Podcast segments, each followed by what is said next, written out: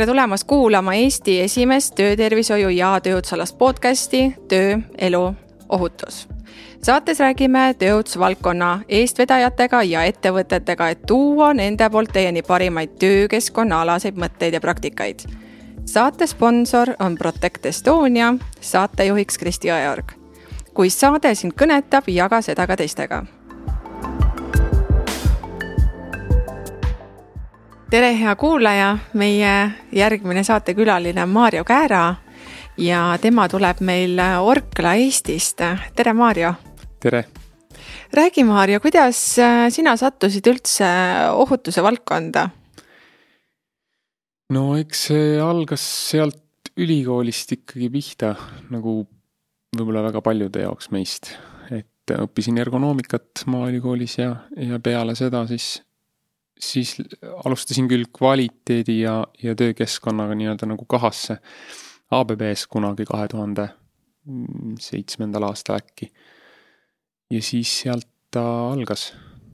aga miks sa otsustasid äh, minna ergonoomikat õppima?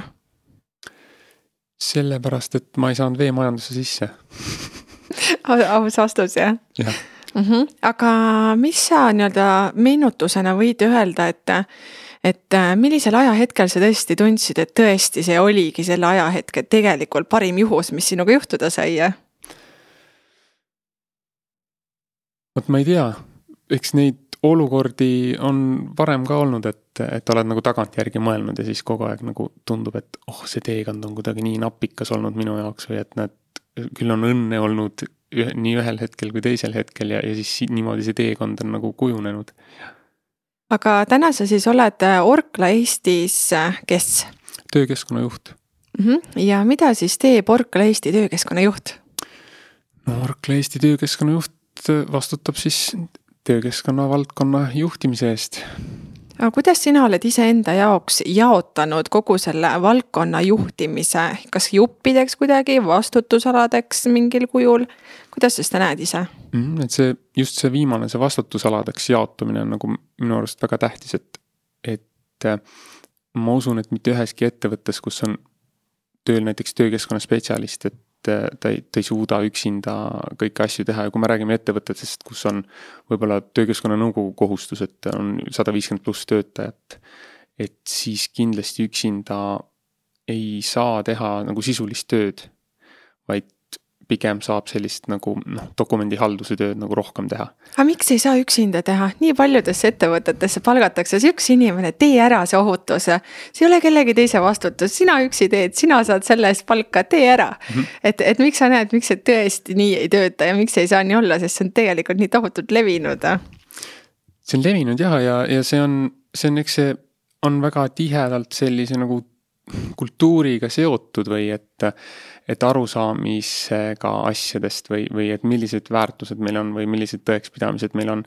noh, näiteks noh, suurettevõttes üks töökeskkonna spetsialist on okei okay,, kui äh, on juhtkonna pühendumus olemas äh, sellele valdkonnale ja on aru saadud, et, et mis on kõige tähtsam, on see, et iga juht vastutab oma alluvate eest ise mitte keegi teine ei saa tulla justkui kuskilt kõrvalt ja, ja võtta vastutust selle eest. iga juht oma nagu valdkonna ja alluvate eest vastutab ise. spetsialist saab olla toeks siis erinevates asjades, abistada, öelda, et kuidas oleks õigem midagi teha või midagi läbi viia, et seda kompetentsi nagu kõrvalt pakkuda või seda know-how'd. et tema saaks täita oma kohustusi aga kuidas sina, Maarja, oled saanud valdkonnajuhid äh, nii-öelda vastutama, sest äh, taaskord äh, kohtab seda meil paraku Eestis päris palju, et, et on ikka see üks inimene ja tema siis vastutab ja tema siis võib-olla annab infot edasi ja teised siis võib-olla midagi teevad. aga kuidas sa oled saanud äh, juhid pardale? no nagu ma enne ütlesin, et see juhtkonna pühendumus peab olema, et kui, kui juhtkond mõistab, et, et kuidas seda valdkonda tuleb juhtida ja, ja eks sellel spetsialistil või töökeskkonnajuhil või kes iganes selles rollis on parasjagu, et temal on väga suur osa siis selgitada juhtkonnale seda, et, et milline see nägemus temal konkreetselt on selle valdkonna osas, mis see pikaajaline nägemus on, kuidas seda saab juhtida ja, ja ja ainult selliselt saab juhtkond ju otsustada, et jah, me jagame sinuga seda nägemust ja, ja sul on vabad käed toimetada ja me toetame sind, kui, kui seda on vaja. ja, ja eks loomulikult, ega siis juhtida juhte on paras väljakutse juba iseenesest, aga, aga ma ei tea, suurem osa, üheksakümmend viis ja rohkem protsenti juhtidest on väga mõistlikud ja inimestest üldse, et, et mõistavad seda, et nendel on see vastutus. et kui peaks midagi kellegagi juhtuma, mingisugune probleem on näiteks tööohutuse, töötervishoiu valdkonnas, nende osakonnas, siis on nemad need, kes peavad vastuseid andma oma juhile. Mitte keegi ei pea vastust andma minule ega mina ei pea vastust andma neile, vaid et igaüks, nagu meil see hierarhia juhtimises on, et siis igaüks peab nii-öelda vastust andma oma juhile aga mille eest teil valdkonnajuhid vastutavad, kui vaadata just seda ohutuse suunda? et mida nemad peavad jälgima või ära tegema, et siis nende piirkonnas või ütleme, nende üksuses oleks ohutus juhitud, mis on need sinu suunised? No kui väga laiapõhjaliselt hakata pihta ja, ja võib-olla minu spetsiifilised suunised natukene kõrvale jätta esialgu, siis see üks põhiline asi, mis on, on siis need ressursid, mille eest noh, vastutatakse või, või ju, mida juhitakse, et näiteks noh, eelarve on üks asi, mille eest siis iga valdkonna juht ju äh, nagu vastutab. Ja praegu hetkel ongi suur eelarvete tegemise periood ja, ja iga juht peab väga äh, hästi läbi mõtlema selle, et mis järgmisel aastal tema nagu valdkonnas ütleme, see tööohutuse, töötervishoiu pool nagu millist ressurssi see vajab. ja, ja ta peab neid planeerima ja, ja siis ta ka vastutab ise selle eest, et kas ta on suutnud hästi või mitte nii hästi planeerida neid ressursse, et sellele uuele aastale nagu vastu minna ja kõik need väljakutsed nii-öelda siis, siis seljatada. et see eelarve pool on väga tähtis. Mina oma juhistega saan nagu toetada pigem nagu spetsiifilist know-how'd anda jah aga kuskohast saab äh, juht selle teadmuse, et mida üldse eelarvestada, et, et mida ta üldse tahab teha või et mis on tähtis mm? -hmm. no seal tulen ikkagi mina mängu ikkagi päris palju, et, et ma ka ise aitan väga palju juhtidel eelarvestada, et noh, minu jaoks kõige kuidas ma ütlen, mitte tähtsamad, vaid siis kõige nii-öelda, kellega ma kõige rohkem koostööd teen, on siis tehasejuhid ja tehase juhtidel on noh, väga suur vastutusvaldkond. ja siis mina aitan neil siis eelarvestada natukene nagu omalt poolt annan nagu sisendi, et olge hea, teie eelarvesse näiteks ma näen, et noh, mingid sellised asjad oleks vaja panna. noh, eelmise aasta pealt võtan tavaliselt ja siis paneme sinna midagi juurde ja siis räägime läbi, omavahel ja, ja siis nemad eelarvestavad oma eelarvesse neid asju aga kas sa oled märganud mingisugust trendi ka läbi aastate, mis peaks näiteks iga aasta selles eelarves sees olema? et mis on selline võib-olla mingi läbivam teema või et mis sa ütled, et vaat, et ilma selleta kindlasti ei saa tihtipeale mm -hmm.? noh, number üks asi on, võtame need ähm, töötervishoiu ja tööohutuse seaduse järgi siis põhilised tööandja kohustused, tervisekontroll, noh, ei saa kuidagi üle ega ümbert ja hästi lihtne on eelarvestada ka et sa suhteliselt hästi tead, tähendab väga hästi tead, mis töötajad sul on hetkel. sa tead, kui tihti neil on vaja tervisekontrolle läbi viia, väga täpselt tead kuu täpsusega ja kuupäeva täpsusega. ja, ja siis lihtsalt peab eelarvestama natukene ka uute töötajate ja mingisuguste voolavuse peale pead ka natukene arvestama ja suhteliselt täpselt saab selle paika panna ja see on enam-vähem selline ennustatav kulu ja ja ei ole ühtki aastat, kus seda ei oleks mm. -hmm. näiteks. aga kui sa mainisid ka, et äh, seal eelarves siis on need tööandja kohustused sees, et Ähm, praegu oligi siis jutus tervisekontroll, aga kas nad midagi ka rahaliselt arvestavad teinekord või mille alusel nad seda otsust siis teevad, ka neid muid tööandja kohustusi, kas need ka kuidagi eelarvesse sisse jooksevad, midagi juhendamise, sisekontrolli, et kas seal ka mingisuguseid vot neid tööandja kohustuste mingeid aspekte võib sees olla? jaa, kindlasti, et noh, ma ei tea mis näiteks juhendamisega võib-olla on seotud natukene, et näiteks selleks aastaks eelarvestas, eelarvestasime suuremas koguses mingid trükismaterjalide kulusid, et äh, korralikud äh, äh, siis, korralikud juhendid siis lasta nii-öelda trükikojas välja printida ja mida töötajad saavad endale võtta ja erinevad voldikud meil on siin igasugustest ohutuse kuldsetest reeglitest ja nii edasi ja nii edasi, et et sellist trükimaterjali kulu on ka igal aastal alati, alati läheb ja see on ka väga palju sihukese nagu juhendamisega seotud ja kommunikatsiooniga. Aga mida sa veel oskad välja tuua, et mis teil on sellise nii-öelda kuluga seotud, et siin ka kuulajatele jagada, et, et osata ka enda valdkonda võib-olla ka rahaliselt hästi siis korraldada, sest hästi huvitav kogemus oli see, et kui ma olin ühe startup'iga seotud mõnda aega, siis seal nii-öelda selle pitch imise käigus siis üks žürii liige ütles, et aga miks ma üldse pean ohutusega tegelema, meil pole isegi sellist eelarverida oma ettevõttes. et, et mis on need asjad, mida siis sinna eelarveritta ikkagi peaks seadma, et üks asi on siis see valdkonnajuht, eks. tema mm. palk ütleme niimoodi, aga, aga et mis on veel need tegevused, sa tõid välja siis tervisekontrolli, trükiste, trükkimise, millele veel mõelda? no psühhosotsiaalsed ohutegurid on viimasel ajal väga nagu populaarsed ma ei taha, võib-olla populaarsed on ka kehva sõna, et, et võtab nagu fookust maha, et nad on kogu aeg väga olulised olnud tegelikult. aga ka meie eelarvestasime selleks aastaks juba mingit kulu spetsiaalselt sel-, ainult selle jaoks, et, et varasemalt me ei olnud seda niimoodi eraldi eelarvereana nagu vaadanud. aga nüüd me vaatame selle peale nagu rohkem teadlikumalt ka just ressursi planeerimise poole pealt et no näiteks, et äh, kas jah, uurimusi läbi viia, kõik ka see ajaline ressurss kuidagi nii-öelda ka rahaliseks keerata, et võib-olla keegi peab rohkem pühenduma mingi perioodi jooksul sellele küsimusele mm. -hmm, täpselt mm. -hmm.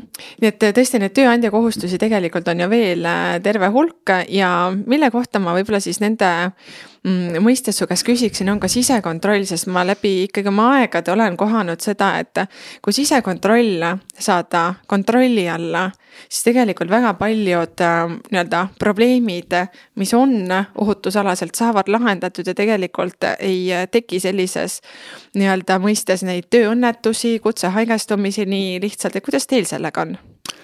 meil on, me kutsume seda sisekontrolli siis, siis meil on töökeskkonna auditid, et see on meil nagu asendab seda sisekontrolli siis, mis on sama asi. ja töökeskkonna auditeid me siis planeerime, ma just täna vaatasin, et meil oli selleks aastaks planeeritud seitsekümmend vist auditit. ja mul on see korraldatud selliselt, tähendab meil Orkla Eestis, et, et meil on üksusjuhid, mm, peamiselt siis tootmisüksuse juhid, siis on audiitorid kõik üksusjuhid on audiitorid ja teevad siis auditeid ähm, teistes üksustes. meil on siis kokku lepitud, et äh, paneme aasta alguses nagu graafiku paika, milline audiitor millisesse üksusesse mingi, mingil kuul peab minema ja siis selle kuu jooksul on tal siis, ise otsustab, millal ta kokku lepib va selle vastuvõtva üksuse juhiga, millal ta auditeerima teda tuleb. ja siis ta võtab alati kaasa töökeskkonna voliniku ja, ja ka üks või kaks täiesti suvalist nii-öelda töötajat oma osakonnast, et anda neile ka seda kogemust ja seda vaadet siis äh, nagu töökeskkonna kontro-, sisekontrolli osas, et mida vaadatakse ja mida oleks vaja vaadata ja ja väga palju nagu õpib ka selle nii-öelda kontrolli käigus. Ja siis me ka sellest aastast oleme teinud ristauditeid tehaste vahel, ehk siis meil on näiteks Kalevi äh, kommivabriku üksuse juht läheb, sõidab Põltsamaa valmistoidutehasesse lepib sealse üksusjuhiga kokku, võtab enda töötajaid kaasa ja, ja vastuvõtva üksusjuht samuti kaasab oma meeskonna ja ja siis koos nad auditeerivad. aga mida te auditeerite, mida te vaatate? no päris, me oleme teinud sihukese nagu checklist'i ette, et, et oleks nagu millegist juhinduda. aga, aga oleme nüüd viimase kahe aastaga nagu pööranud seda, kui alguses järgisime väga täpselt seda checklist'i ja tegime linnukesi sinna ja panime ka hindeid null, üks, kaks. et siis sai juba arvutada ka siin seal protsenti ja, ja siis sai järgida seda trendi ja nii edasi, et kuidas siis audititega läheb. siis me saime aru, et see, see, see, mida igal auditil võib-olla leitakse või avastatakse, et siis need leiud ei ole nagu nii hästi nagu võrreldavad auditite vahel, et, et ei näita nagu, see protsent ei näidanud väga hästi seda mingit trendi. noh, just, et ta nii hästi ei peegeldanud seda, et kas nüüd oli kehvem, et tulemus oli kehvem, aga tegelikult nagu tundus üksuses justkui nagu visuaalselt oh, oli nagu parem, aga millegipärast see hinne tuli nagu kehvem seekord. et noh, oleneb, mis need leiud täpselt nagu on ka. Ja siis me otsustasime, et äh, kuna töökultuurile nagu riskikäitumisele on nagu palju olu-, olulisem nagu tähelepanu pöörata, et siis me otsustasime, et, et äh, leppisime kokku, et teeme niimoodi, et pool sellest auditeerimise ajast oleks nagu see checklist'i jälgimine. ja et see ei oleks nagu must have, vaid see peaks olema selline nagu, et ma vaatan, piilun, kui mul läheb meelest ära, sest meil on väga-väga kogenud nii-öelda audiitorid juba kõik. Ja siis pool sellest oleks siis äh, nagu reaalselt inimese jälgimine töökeskkonnas, et vaadata päriselt, mida inimene teeb, kuidas ta oma tööd teeb, kust kohast mida, kuhu ta viib, tassib, tõstab, lõikab. et, et nagu vaadata, mida inimesed teevad ja siis, kui sul tundub midagi, et, et võib-olla ei ole nii päris nii, nagu võiks olla või, või, või on ka väga hea võimalus ju küsida, et mida sa teed ja kuidas sa teed, räägi mulle, mis tööd sa teed. et noh, et põnevil olla, et räägi mulle oma tööst, on ju.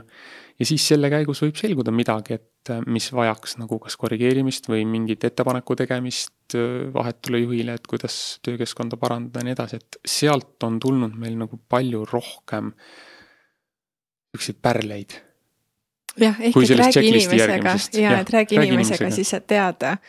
aga tõitsi ühe hästi selles mõttes äh, tähtsa fakti sisse, et, et inimene, kes on hästi kogenud, tihtipeale ju selline püsiv rutiin teatud mõttes sulgeb silmi, võib öelda mm. -hmm. et, et sa võib-olla ei märka enam seda, mida märkaks täiesti võõras inimene, kes tuleb, vaatab täiesti värske pilguga, sest ta ei ole seal kunagi olnud.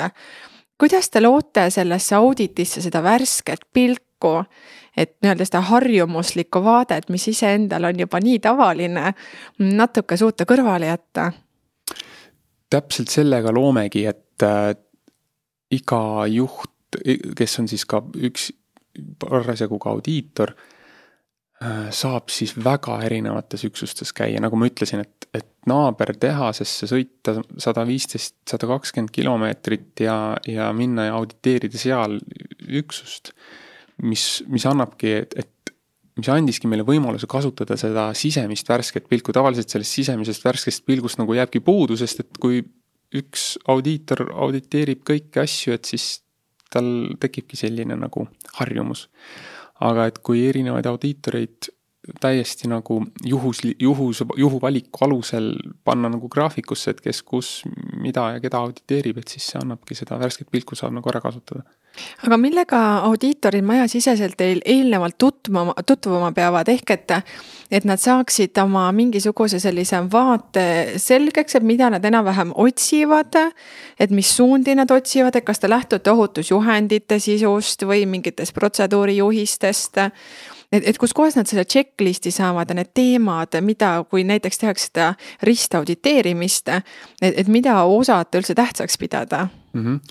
no see checklist on minu koostatud suure kogemuse pealt lihtsalt.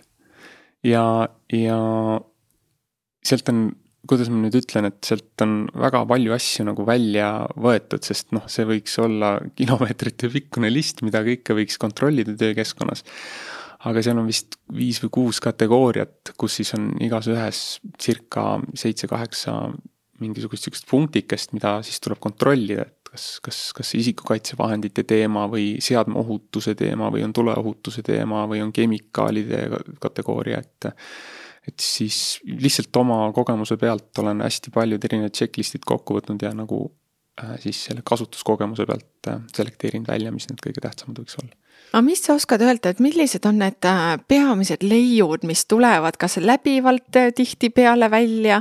et oskad sa tuua mingisuguseid sellise praktilisi näiteid äh, sellest, et, et millega on olnud noh, vajalik rinda pista, et, et töökeskkonda veel paremaks teha mm? -hmm. no ma meenutan natukene, mis need peamised äh, leiud võiksid olla, et noh, esimese asjana tuleb kindlasti isikukaitsevahendid hoiustamine võib-olla ei ole alati sihuke nagu hea, jääb vajaka. et igal auditil ikka võib-olla üks leid tuleb selle kohta ära, et kas kaitseprillid näiteks lihtsalt on sul töölaua peal, mis tähendab seda, et kui need ei ole oma selles kotis või korralikus hoidikus, et siis nad lihtsalt, sa kriibid nad ära ja ja siis lõpuks keegi ei taha neid kanda, et, et võib-olla see hoiustamise pool ikka aeg-ajalt tekib aga noh, ladustamine kindlasti sellistes olukordades, kus äh, tootmisüksustes on väga palju sellist nagu dünaamiline töö ja pidevalt muutuv töökeskkond ja kaubad sisse, kaubad välja. aeg-ajalt on ruumipuudus, kuskilt jääb puhver puudu või ei ole puhvrit loodud ja.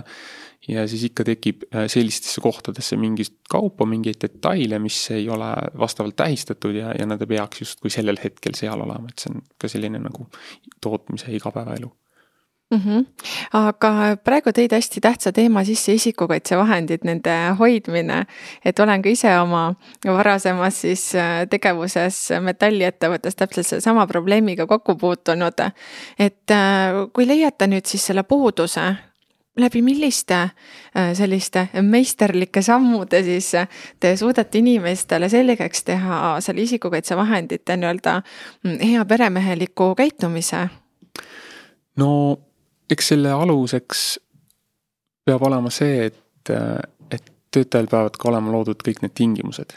et see oma vahendite nagu hoiustamiseks ja hooldamiseks, et, et lihtne on nõuda, kui võib-olla ei ole tal kõiki neid vahendeid ja tingimusi loodud, et ta saaks neid õiges kohas õiget moodi hoiustada, et, et kui need on tehtud, et siis ei ole muud midagi, kui tuleb lihtsalt töötajatega nagu tööd teha, et ja ja noh, töötajatega suhtlemisel ja, ja töötajatega, kuidas ma ütlen, et, et äh, see karistamine, mul tuleb millegipärast kohe see, et, et mida siis tehakse, kui mingi puudus leitakse, on ju, ja siis, siis töötaja on midagi valesti ju teinud ja siis peaks justkui ju reageerima kuidagi ja, ja kuidas siis reageerida ja ja siis tihti satutakse kuidagi nagu karistamise teed või vähemalt noomimise teed, et, et et äh, ma ka nagu selle pooldaja ei ole, et ma olen rohkem sellise vaate pooldaja, et, et äh, esiteks tuleb aru saada, et miks ta just niimoodi nagu käitub. ja, ja, ja minu jaoks oli mitte nüüd väga palju aega tagasi oli minu jaoks väga suur üllatus, et, et äh, töötaja riskikäitumisel on kaheksa erinevat liiki no räägime nendest, see on väga põnev. See ongi, päriselt see on väga põnev, et mul, minu jaoks, mina, kes ma olen seda, sellel alal juba kolmteist ja rohkem aastat äh, töötanud eh,, avastada nüüd eh, siis seda, et meil on alati olnud nagu kuidagi nagu ühte, ühte liiki riskikäitumist, et meil on ju kogume väga palju erinevaid äh, ohutusalaseid kõrvalekaldeid, et meil on esmaabi vajavad juhtumid, meil on peaaegu juhtunud õnnetused, meil on ohuolukorrad ja meil on riskikäitumised.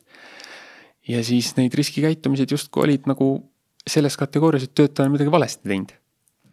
aga, aga, aga, aga siis, kui üritasin natukene sinna sisse vaadata, siis selgus, et, et on olemas nelja liiki mittetahtlikke riskikäitumisi ja, ja siis nelja liiki tahtlikke käi-, riskikäitumisi ja need, nendest neljast liigist tahtlikust riskikäitumisest ainult ühe puhul on põhjust jõuda noomimise ja karistamiseni. no mis need siis on, väga põnev on kuulda, et, et kas oskad nad välja tuua siin praegu? kui ma peast nüüd oskaksin tuua, et on nelja liiki, siis kõik need mittetahtlikud riskikäitumised on siis sellised käitumised, kus siis noh, näiteks füüsiline kategooria oli, et töötaja lihtsalt oma füüsilise, füüsiliste võimete poolest ei suuda mingisugust asja teha, noh näiteks ma ei tea, jalaga i-d proovida joonistada, kriipsu teha ja siis käega number kuute teha samal ajal või noh, mingid sellised füüsilised piirangud lihtsalt on inimese võimetele, et mis seavad piirid ja sa ei saa töötajat kuidagi nagu süüdistada mingisuguses rikkumises, kuigi see tulemus on mingisugune riskikäitumine näiteks, aga tal ei ole füüsilisi võimeid lihtsalt, et, et käituda õigesti. seal on mingid emotsionaalsed äh, põhjused, äh, siis on, peast nüüd hästi ei mäletagi. aga ühesõnaga, siis on ka veel need mit-, tähendab need tahtlikud riskikäitumised, mis on siis äh, olid seal situatsioonilised riskikäitumised, äh, erakorralised. et näiteks erakorraline riskikäitumine on see, ja mis on ka lubatud ja tolereeritud, äh, on siis see, et ähm, kui maja põleb ja ma pean aknast välja hüppama, aga aknast välja hüppamine on ju keelatud ohutusreeglite järgi. et siis noh, lihtsalt mingid situatsioonid, erakor-, erakorralised olukorrad tingivad seda, et on okei okay, äh, rikkuda reegleid. ja siis on ka optimeerimine näiteks on väga selline, et, töötaja optimeerib lihtsalt, noh, shortcut'id äh, tehastes, erinevates olukordades ja, ja töötaja proovib optimeerida. nüüd on küsimus selles, et kui kaugele see optimeerimine nagu läheb, et kas ta teeb, kas ta optimeerib selle jaoks, et, et teha oma tööd paremini või optimeerib selle jaoks, et teha oma töö nagu ohtlikumalt, aga kiiremini ära, et see on väga oluline nagu sinna sisse vaadata, et, et millel see optimeerimine nagu põhineb mm. -hmm. nii et väga põnev, nii et äh, ma loodan, et ma siin nüüd Maarja sulle liiga ei tee, aga kirjutage Maarjale LinkedInis. et, äh, et mis need siis on, et kui te tunnete rohkem huvi selle vastu, et minu jaoks on küll see hästi põnev teema, sellepärast et õnnetus juhtub alati äh, inimressursi tõttu, eks mm. -hmm. ja see on, see on just culture ja, ja seda võiks defineerida siis selliselt, et ma proovin, et kui mul see sõnastus meeles on, et töötajaid ei karistata nende tegude tegemata jätmiste ja tehtud otsuste eest, äh, siis tähendab neil vastavalt nendele oskustele ja teadmistele, et, et, et neid ei karistata selle tõttu, kui nad ei, ei teadnud midagi või, või ei, ei osanud midagi. et see õiglane kultuur või just culture siis siis vaatab nagu natukene sügavuti nendesse põhjustesse, miks töötaja just nii käitus. ja kui seal on see põhjus, et aga tal ei olnud meie poolt antud teadmist kuidagi muud moodi käituda või mingit muud otsust teha, siis, siis ei ole õiglane teda selle eest karistada, et tal seda teadmist ei olnud, et kõigepealt tuleb talle need teadmised anda. Väga hea, jõudsime siis äh, juhendamiste teemani, et, et kuidas siis anda töötajale tõesti need praktilised ohutusteadmised, et Maarja, räägi, kuidas te teete juhendamisi? Mm? -hmm väga hea teema. et minu jaoks ka natukene vastuoluline teema mõnes aspektis. et ma pean juhendamist oluliseks. et ära saa valesti aru, aga, see on üks aga, et ma just kuulsin äh, su ühte eelnevat podcast'i proua Maripuuga ja, ja, ja ja Tööinspektsiooni poolt on ka just minu arust kas eelmine aasta või sellel aastal oli suur juhendamise kampaania, et, et ohutusjuhendamine on väga, väga tähtis ja ongi. aga et, et nagu ka vist proua Maripuu ütles, et, et mõnes ettevõttes võib-olla on nagu see, need üheksakümnendad alles, et, et kus on suur, suure pakiga lüüakse uimaseks esimesel päeval ainult. ja siis, ja siis pärast vaatame, kuidas siis edasi saab ja, ja paraku ma pean tunnistama, et ma, minu enda kogemus on näitanud, et see ei ole nii väga midagi üheksakümnendad, et seda on ikkagi veel väga palju. ja, ja ega meil ka samamoodi, ega me ei saa vältida igas olukorras seda, et meil ei ole paksu juhendit kuskil, et me üritame küll äh, leida neid lahendusi hetkel ka väga aktiivselt, et kuidas siis nendest paksudest pakkidest nagu vabaneda ühest küljest on sul seadusandlik nagu kohustus mingid teadmised töötajani viia ja siis tekibki mingil hetkel nagu sihuke lihtsama vastupanu teed minek, et aga lööme selle pika suure pakiga uimaseks ja siis pärast, kui ta on allkirja ära pandud, siis saame öelda, et et aga kõik on, kõik on näidatud ja kõik on tehtud, on ju, me saame kõik aru, et sellel mingisugust erilist efektiivsust ju ei ole. aga, aga see juhendamine peab käsikäes käima nagu selle teadmisega, et see nõuetele vastavus või juhendamise nõuetele vastavus on nagu pool nagu rehkendusest. see teine pool rehkendusest on see, et töötajal peab olema väga hea nagu oskus või arusaam otsuste vastuvõtmiseks nagu väga sellises muutuvas töökeskkonnas, et juhend on meil mingisuguse ühe hetke nagu peegeldus, mis natukese aja pärast järjest nagu kaotab oma seda ajakohasust ja meil kellelgi pole enam ressurssi umbes sadat seitset juhendit nagu uuendada kogu aeg, on ju. et siis see teine pool sellest on see, et see töötajale peab kuidagi andma väga sihukese selge arusaama sellest, et tal on endal väga suur vastutus iga otsuse eest, mida ta selles töökeskkonnas teeb. jah, et see, et see on nagu see suur väljakutse ja mul midagi nagu ei ole siin mingit nagu võlurohtu anda, et kuidas seda peaks nagu saavutama. no kuidas te viite läbi näiteks seda vestlust äh, näiteks juhendamiste käigus, et, et püüda rohkem siis äh, töötajale arusaadavaks teha see, et ka tema vastutab, et see ei ole alati niimoodi, et näed, et tööandjal polnud seda asja juhendis kirjas, näed, tööandja kuidagi seda, teist ja kolmandat ei teinud. et, et, et kuidas te panete rohkem töötaja mõtlema kaasa? no eks see jääb rohkem sinna üksuste tasemele, et meil on hetkel korraldatud niimoodi, et kui töötaja tuleb tööle, siis mul on koostatud selline töötervise tööohutusala on niisugune nagu üldjuhend, mille töötaja saab endale. et, et ta saab seda igal ajal võtta, lehitseda, vaadata, mis mingis konkreetses asjas mingid nõuded võib-olla on. Ta allkirjastab viimase lehe, mis on perforeeritud selline nagu rebitav leht ja selle ta saab ära anda ja, ja juhendi saab ta endale ja siis see põhiline juhendamine, see kõige olulisem tegelikult hakkab siis, siis selles üksuses, kuhu ta jõuab oma töökohale, näeb, milline see keskkond on. et ei olegi mõtet töötajale väga palju varem tema nagu tööst väga rääkida, sest ta ei pane seda hiljem, seda saadud teadmist, loetud teadmist nagu kokku sellega, kuhu ta sattunud on. et tal on lihtsam näha oma töökeskkonda ja seal saada neid juhiseid no kes need juhised annab teil seal töökeskkonnas? üksusjuht peamiselt või on siis korraldatud olenevalt üksuse seest, et meil on ka liinijuhid ja, ja meil on ka vahetuse juhid, et siis nad on, korraldavad seda omavahel seal, et kuidas, kes parasjagu millist osa juhendab. ja siis äh, töökeskkonna volinik, äh, kas tema siis jälgib näiteks ka töötajapoolset seda ohutuskäitumist igapäevaselt või kuidas toimub see igapäevane töötaja ohutuskäitumis jälgimine? no ega meil sellist igapäevast, kuidas ma ütlen, et kedagi jälgimas eraldi ei ole. või noh, kes märkab, et kes käib äh, lahtiste silmadega? no meil on ikka see kultuur, üritame ikkagi seda kultuuri järgida, et kui igalühel on vastutus. Ja mis päris hästi toimib ka, et, et me näeme seda ju meie ohutusalaste kõrvalekallete raporteerimise pealt, et meil on selline helpdeski süsteem, kuhu saab siis neid ohutusalaseid kõrvalekaldeid raporteerida ja meil on Orkla Grupis on selline nõue, et, et vähemalt kolm töötaja kohta aastas võiks olla selliseid ohutusalase kõrvalekalde teateid. ja meil on, vist täna hommikuse seisuga oli kaks tuhat kakskümmend neli teadet sellel aastal.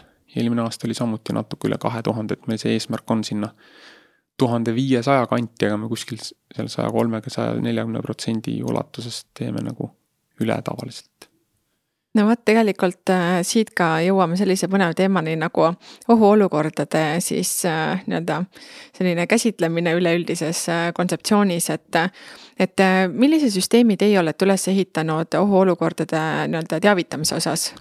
no nagu ma mainisin, meil ongi see helpdeski süsteem, kuhu siis kõik saavad raporteerida ja, ja ega, ega sinna väga nagu keegi raporteerima ju ei kipu, kui, kui esialgu vähemalt ei ole mingisugust äh, nagu motivatsiooni või, või sundust kuidagi. et siis äh, ma olen seisnud selle eest, et, äh, et igal üksusel oleks siis mingisugune eesmärk. et nagu ma ütlesin, et sellest, see kolm töötaja kohta aastas, noh, tootmisüksuses kolm teadet aastas teha pole nagu mingisugune kunst, võiks iga nädal teha mitu tükki. mitte, et see peegeldaks kuidagi, kui ohtlik on töökeskkond, vaid ikka igasuguseid. Neid väikseidki märkama, märkamisi, eks, mida saaks teha paremini. ja, ja kõige tähtsam on ka märgata tegelikult, äh, ma, ma ise olen sellise nagu võtmenäitaja enda jaoks võtnud, et, et ma vaatan riskikäitumiste osakaalu ülejäänud ohutusalastesse kõrvalekalletesse. ja, ja kui ma näen, et see trend on selline, et riskikäitumiste osakaal suureneb, siis on see positiivne trend, sest see, siis see tähendab seda, et me järjest rohkem julgeme äh, sekkuda selles, sellel hetkel, kui keegi teeb midagi, mida te ei peaks võib-olla sellisel viisil tegema. ja kui me suudame seda teha ja julgeme seda teha, siis meil tuleb rohkem riskikäitumise raporteid, mis tähendab omakorda seda, et äh, meil jäävad ära äh, tek-, juba tekkinud ohuolukorrad. et need ohuolukorrad tekivad riskikäitumistest ja ja tihti on nagu kiusatus raporteerida mingisugust tekkinud ohuolukorda, ilma et me jõuaksime selle nagu tekitajani välja ja, ja siis me saamegi iga päev, et noh, pidev probleem on nagu tootmisüksuses, et mingid ähm, alused näiteks, kas euroalused, mingid plastikalused on kuskile servapidi püsti pandud ja siis nad võivad ümber kukkuda ja noh, väga hirmus on, kui see kukub sulle selja tagant kanna peale näiteks. ja, ja, ja lihtne, hea ongi raporteerida, et äh, keegi on pannud püsti ja saangi juba raporteerida. Mm -hmm. aga et jõuaks äh, sinna, et kes pani ja kui ma näen, et kui keegi paneb, et ma sekkun siis sellel hetkel, siis see on palju olulisem, sest see, siis see inimene võib-olla rohkem ei pane, sellisel viisil ei tekita ohtlikke olukordi eks see võib-olla ka see pealekaebamise vaata kartus, et näed, et ütled, et näed, see inimene tegi seda, et ei taha ka võib-olla sellisesse positsiooni sattuda mm. -hmm. ja, aga see on, aga see on kultuuri küsimus, et, et ma olen selline kõva Bradley Kõvera nagu, kuidas ma ütlen, saadik või ambassador, et, et Bradley Kõver ka väga hästi jagab selle töökultuuri neljaks erinevate, erinevaks etapiks ja, ja me suures osas oleme selles teises etapis, kus, kus siis töötajad järgivad reegleid selle tõttu, et nad ei taha karistada saada ja, ja et, ettevõtjad siis ja tööandjad siis nagu karistavad. ja noh, ongi selline täitsa loomulik ja normaalne nagu etapp, kultuuri osa. ja, ja see, et me julgeksime panna kätt õlale, see, et me julgeksime öelda, et ära käitu selliselt siin töökeskkonnas sellepärast, et mina töötan ju ka siin ja, ja mina tahan ka tervelt koju minna. et, et tajuda seda, et et mina oma käitumisega ei mõjuta ainult ennast, vaid ka kõiki teisi, kes minu ümber töötavad, et see on juba teine kultuuritase ja see on juba Bradley Kõvera kolmas etapp, kus töötajad teevad, järgivad reeglit selleks, et nad ei taha viga saada, mitte selleks, et nad ei taha karistada saada. ja väga hästi annab seda mõõta sellega, et kui meil on kahevahetuseline üksus, kus töötab hommikune ja õhtune vahetus ja samas majas on ka näiteks kontor ja juhid ja nii edasi, et siis töökultuur on see, mis juhtub peale viite jah, et siis, kui silmad on kadunud, nii et milline on inimese selline normaalkäitumine justkui siis, et kas et siis. juhid luuraku siis tagasi kuue-seitsme aeg ja piilugu siis, kuidas siis tööd tehakse ja siis see on, see ongi see töökultuur. jah ja., see on päris mm. -hmm. aga kui me nüüd räägime sellisest äh, põnevast teemast nagu kutsehaigused mm. -hmm. väga et, põnev. ja, oo jaa, et et, äh, et millega sina pead äh, kõige enam siis enda poolt seda pingutust tegema, et siis no näiteks ülekoormus, haigusi ennetada, sundliigutustest, asenditest tekkinud situatsioone siis nii-öelda vältida? No see töö algab sealt riskianalüüsist pihta, et see, see riskianalüüsi osa on seal nagu kõige põhilisem, see baas sa oled kaardistanud need riskid ära, kus sul need äh, ohud tekivad üldse, mis võivad selliseid pikaaegseid äh, haigusi tekitada. ja, ja sealt sa saad neid juhtima hakata, et muidu sa neid ei juhi mitte kuidagimoodi. ja siis vastavalt siis sellele, et mis, mis häda on, saab siis leida erinevaid meetmeid aga kui altid töötajad ise näiteks pöörduma sellises osas, et näed, et mul on äh, randmed kangeks jäänud või selg on valus, et kui palju töötaja ise tegelikult teada annab sellest, et tegelikult oleks vaja millegagi tegeleda? ma usun, et äh, kellel, kellel häda, see ikkagi annab teada, loomulikult, et, et muud, muud moodi ei saagi.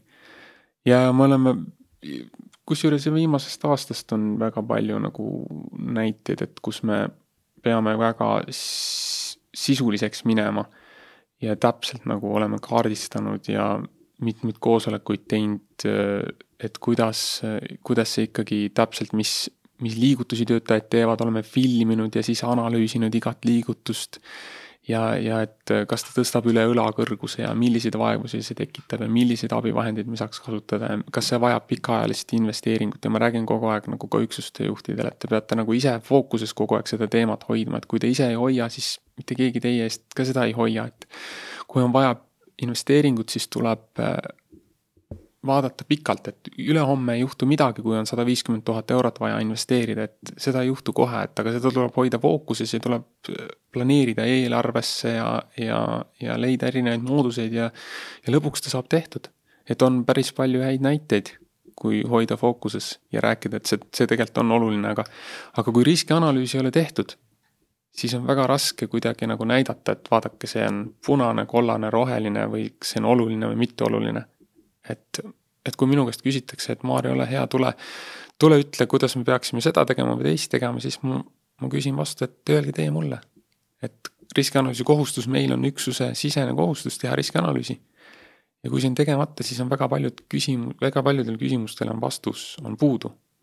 aga kui riskianalüüs on tehtud, siis on väga lihtne võtta analüüs lahti ja, ja vaadata sealt see vastus järgi. aga kes seal üksuses riskianalüüsi teeb? no üksusjuht vastutab, et, et tema meeskond teeks. Ja noh, üksusjuht on siis ise üks olulisi initsiaatoreid ja eestvedajaid, et meil ongi väga oluline see, et, et üksus ise on initsiaator ja eestvedaja. et äh, muidu kuidagimoodi need asjad ei toimu, kui mina peaksin käima kellelegi nagu kandade peal kogu aeg, kogu aeg, et ole hea, tee ära, ole hea, tee ära et see on minu, minu jaoks nii oluline, et sa selle asja ära teeksid. jah, et siis nagu sinu jaoks, mitte töötaja ja, jaoks justkui, eks, et te, tegelikult töötaja enda jaoks see peabki olema kõige tähtsam, nagu sa enne ütlesid, et. me jälgime seda, et me ise ei satuks õnnetusse ja ei vigastaks või ei kahjustaks kutsehaiguse mõttes iseennast. ja teistpidi siis peame mõtlema ka oma kolleegi peale, eks mm. -hmm. aga kuidas ähm, sinna üksusesse on need riskianalüüsi tegemise nii-öelda oskused jõudnud, et nad oskaksid seda päriselt ühtlaselt siia hästi teha ja just selliselt, et selle alusel otsuseid langetada mm? -hmm. no ikka minu kaudu, et, et me siin selle aasta alguses või eelmise aasta lõpus koostasin sellise nagu väikse koolitusprogrammi neile üksust, kõikidele üksustele siis, mis koosnes nagu kahest osast, et esimene osa oli siis selline teooria osa, kus ma rääkisin seda, et millised need äh, riski hindamise maatriksid või nagu metoodikad võivad olla, kuidas neid kasutada, milline see template on või see põhi, kuidas, kus riske nagu kaardistada. ja, ja õpetasin seda ja siis, siis see teine pool oli see praktiline pool siis, kus me võtsimegi iga üksusega spetsiaalselt, võtsime tema äh, template'i lahti, üksuse template'i ja hakkasime siis vaatama, kuidas, kuidas neid riske ikkagi kaardistada ja ma olen teinud neile sellise template'i, kus on noh, Excelis saad võtta lihtsalt linnukesest lahti või sealt nagu rippmenüüst on siis kõik ohutegurid, mille iganes, millele peaks nagu mõtlema, et siis on nagu lihtne, et vaadata, et midagi nagu kahe silma vahele ei jääks. ja siis nad pusivad, jah, vahepeal on hädas, siis jälle aitan, teeme koos jälle, jälle saame üle sellest künkast ja, ja nii ta läheb. Ja ka riskianalüüsi ei teegi ühe päevaga valmis, et see ongi selline väga pidev dünaamiline protsess, kogu aeg uueneb jälle on, toimub mingi juhtum, näiteks peaaegu juhtunud õnnetus. esimene asi, kuhu peaks minema, võtta analüüs lahti, vaadata, kas me oleme seda hindanud, kui oleme, kas need meetmed ikkagi on olnud piisavad, et seda õnnetust ära hoida. või peaks üldse, üldse uue rea lisama. see on põhitöövahend nagu ük-, sellel juhil, kes vastutab nagu millegi eest, et see on, ei olegi muud varianti et riskianalüüs annab sulle kätte kõik, mida sa, kui palju sa peaksid eelarvestama. väga lihtne on ju vaadata, et mul on sellised ohud ja, ja mul on vaja investeeringuid või mul on vaja mingid püsikulud eelarvestada ja nii edasi meil nüüd äh, on kolmveerand tunni äh, niimoodi jagu juba väga kasulikku informatsiooni. aga Maarja, aga ütle, aga miks peaks üleüldse selle töötervishoiu tööotsega tegelema? nii palju toimetamist, vastutamist, sebimist, küngaste ületamist, mida see ettevõttele annab?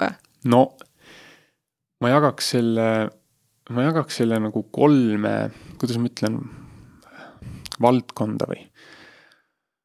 esiteks kolm põhjust, miks tegeleda nagu töökeskkonna parendustega üldse ja töökeskkonnaga, et esimene asi ja kõige tähtsam, mis on kõige-kõige aluseks, on siis need eetilise moraalsed põhjused. lihtsalt ei ole eetiline inimesi vigastada.